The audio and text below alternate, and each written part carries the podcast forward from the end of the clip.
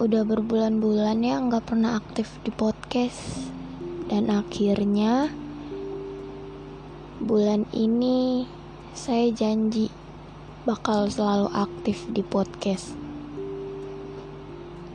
Oh iya, podcast saya kali ini mungkin sangat berbeda dengan yang sebelumnya karena saya melakukannya di ruangan terbuka.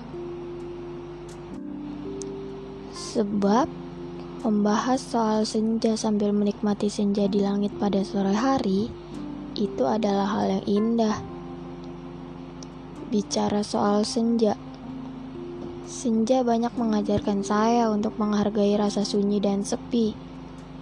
Karena gak selamanya saya bersama dengan orang yang saya pilih. Dan gak selalu orang yang saya pilih juga memilih saya.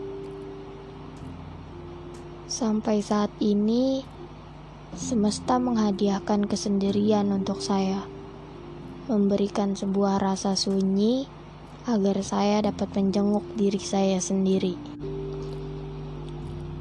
Senja juga membuat saya paham makna dari kata rela, bahwa apa yang ada pada saya tidak akan selamanya, dan jika semuanya hilang saya harus siap merelakannya.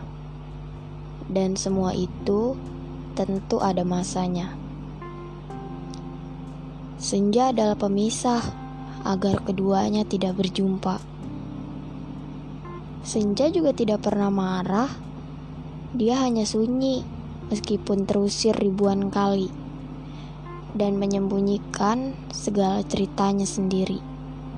Entah bahagia atau luka. Sekali lagi, senja adalah akhir dari sebuah hari, membuat segala apa yang telah terjadi menjadi sebuah rangkaian cerita yang tersusun rapi, dan seperti puzzle yang harus dirangkai agar terbentuk rupa yang dapat dikenali. Terima kasih, saya suara logika. Sampai ketemu di episode lain.